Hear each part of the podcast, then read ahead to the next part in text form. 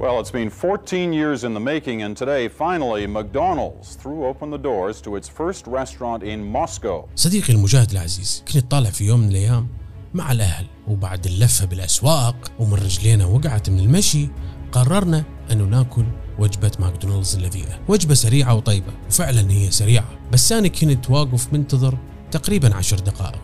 في طابور سرى من الناس اللي واقفة. اللي تنتظر سراها على الماكدونالدز الشهير.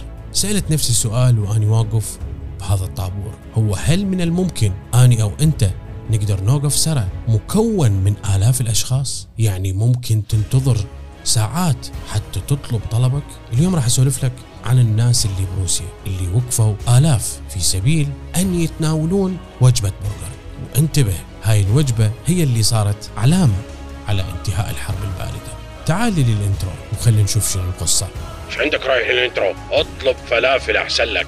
أنا أقول وخر خلي الناس تكمل الفيديو. أيها ال- المشكلة ما أقدر أوصفك ولا أقدر أحكي عليك لأنه أنت عندك أتباع هواي.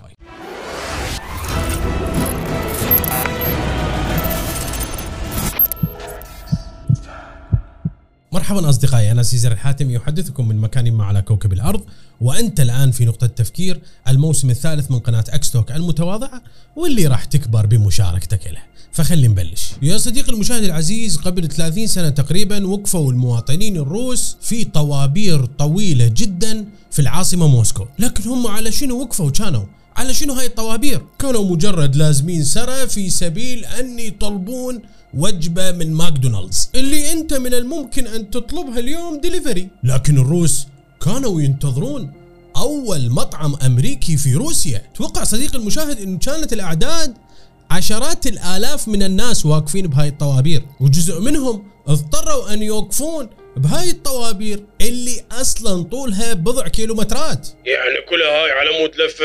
يا أخوي رزق البزازين على معثرات والله هم يا أبو القياصر بزازين بس مو على المعثرات لأنه بالسبعينيات يا صديقي سلسلة مطاعم ماكدونالدز حققت نجاحات جدا كبيرة. داخل أمريكا وخارج أمريكا. وصفنوا المسؤولين عن هاي السلسلة وقالوا إنه إحنا لويش ما ندخلها إلى الاتحاد السوفيتي؟ لكن أثناء الحرب الباردة كانوا الطرفين بخصام كبير جدا. ومن المستحيل أن يقبلون السوفيت أن ينغزى طعام موائدهم بالأكلات الأمريكية، لكن حاول رئيس سلسلة هاي المطاعم بذاك الوقت جورج كوهن أن يحكي ويا بعض المسؤولين الروس. السوفيت.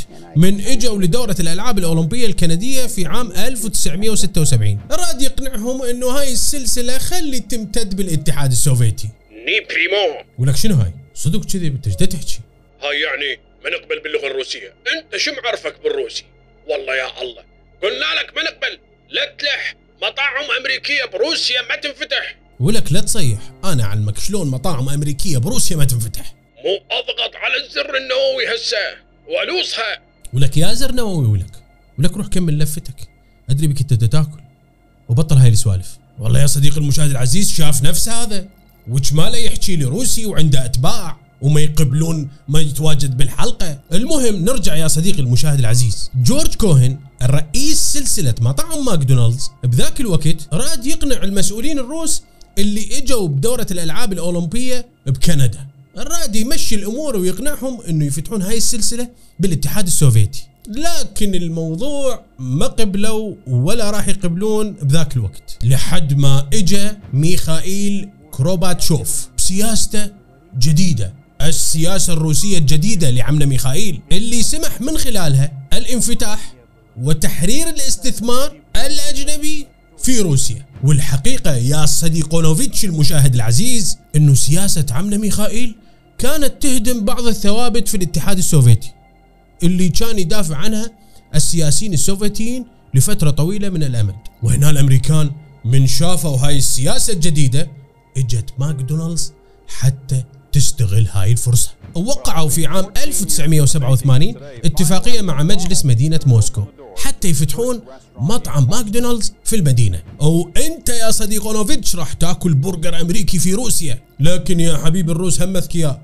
خلوا أسهمهم بهذا المشروع. 51% حتى شوكت ما يردون يبطلون يبطلون. بس هم ما راح يبطلون.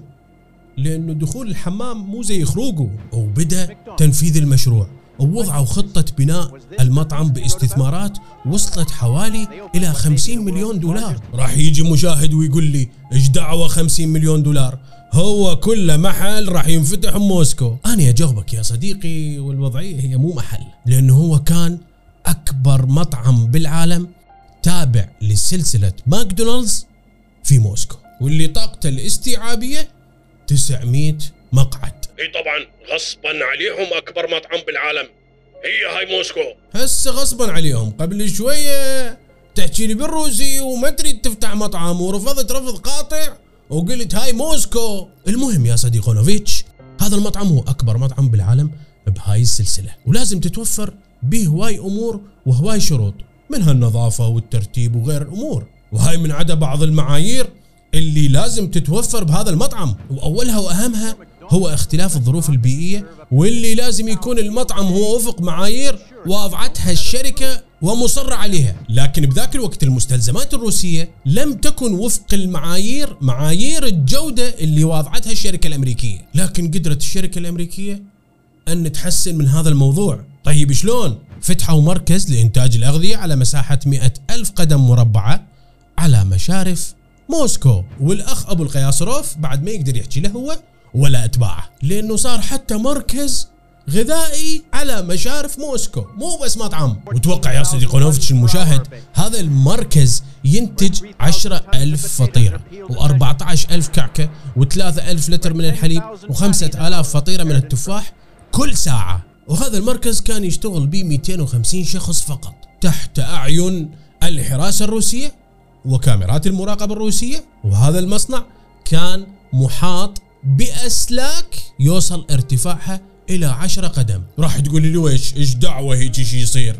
الجواب سهل يا صديقي المشاهد العزيز. مطعم أمريكي في موسكو. شو تريده يصير يعني؟ طبعا لا واحد يطلع جاسوس منا منا حتى ندبة. هاك تفضل. يريد يأدب العالم وهو ما مؤدب. ويمشي ورا ذاك ورا هذا. وهم ذاك. وهذا تصالحوا في سبيل مصالحهم. المهم نرجع لموضوعنا يمتلك هذا المطعم 600 عامل اللي اختاروهم من بين 35 ألف شخص متقدم لهاي الوظيفة. وكل شيء بذول العمال بدأ يختلف. ملابسهم طريقة كلامهم تعاملهم مع الزبون وكل شيء مختلف على الروس من اللي تعودوا عليه في المطاعم التقليدية. هذا المطعم الكبير اللي كانوا يشاهدون الروس وجباته فقط بالأفلام فقط بالتلفزيون أو بس يسمعون عنهن. وأول يوم انفتح بيه المطعم يا صديقونوفيتش قدروا إنه راح يجون بي ألف شخص فقط. لكن يا صديقونوفيتش الروسي.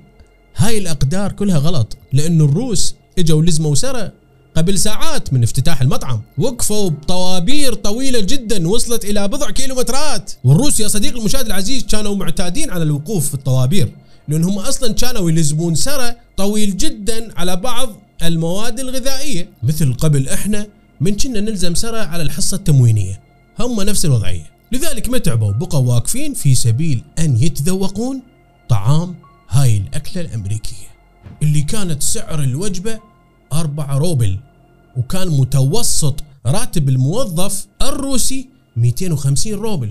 معناتها إنه الوجبة كانت غالية لكن الفضول كان كاتل الروس يردون ان يذوقون هاي الأكلة. وبيني وبينكم نفسي حاليا تريد ماكدونالدز. فإذا أنت كنت تأكل ماكدونالدز سوي لي بيها تاج على الإنستغرام. لكن يا صديقي التوقعات كانت تقول إنه راح يجي ألف شخص لهاي الافتتاحية. بس اللي إجوا بين 30 وصار العدد متزايد إلى خمسين ألف شخص. لكن المضحك أنه الناس اللي دخلت تاكل ورا ما أكلوا أيضا لزموا سرى وقفوا بطوابير. بس هالمرة على الحمامات لأنه المعدة الروسية ما متعودة على هذا الأكل. وعلى شغلات التعويد يقولون أنه امرأة ما كانت تعرف أن تأكل هاي الوجبة. بدأت تأكلها طبقة طبقة. طبقة الفوق بعدين الجبن بعدين اللحم بعدين ال... أنا ليش أعذب نفسي؟ أنا جعت. وتوقع إنه أكو ناس أخذوا الشوكة والسكينة اللي هن ديسبوزبل لأنه ما كانوا الروس يعرفون إنه ذني راح ينذبن. فأخذوهن لبيوتهم. زين ليش الشعب الروسي كان هيك؟ لأن ذولي كانوا منغلقين على نفسهم. ولو ما عمنا ميخائيل كان ما ذاقوا هاي الأكلة. وكان ما انفتحوا أصلا. لكن يا صديقونوفيتش المشاهد العزيز لفة البرجر في روسيا تعني الكثير. واللي هو إنه هاي اللفة هذا الساندويتش صار علامة واسمة لانتهاء الحرب الباردة. مثل ما أنا أريد أنهي هاي الحلقة وأروح أكل لي لفة برجر مع هذا الإنسان الكئيب. بالقياسر أطلب لنا اثنين برجر حبيبي. صار حبيبي هسه أطلب لك أحلى لفتين فلافل. عمي أنا قلت لك اثنين برجر مو اثنين فلافل. تريد عنبة لو صاص؟ معود أنا مشغول. خليها عنبة. ناكل فلافل وأمرنا على الله. وإذا أنت هم كنت تاكل فلافل سوي لي تاج على الإنستغرام. تحياتي وأشواقي لكم وأراكم في حلقة قادمة. أخوكم سيزر الحاتمي.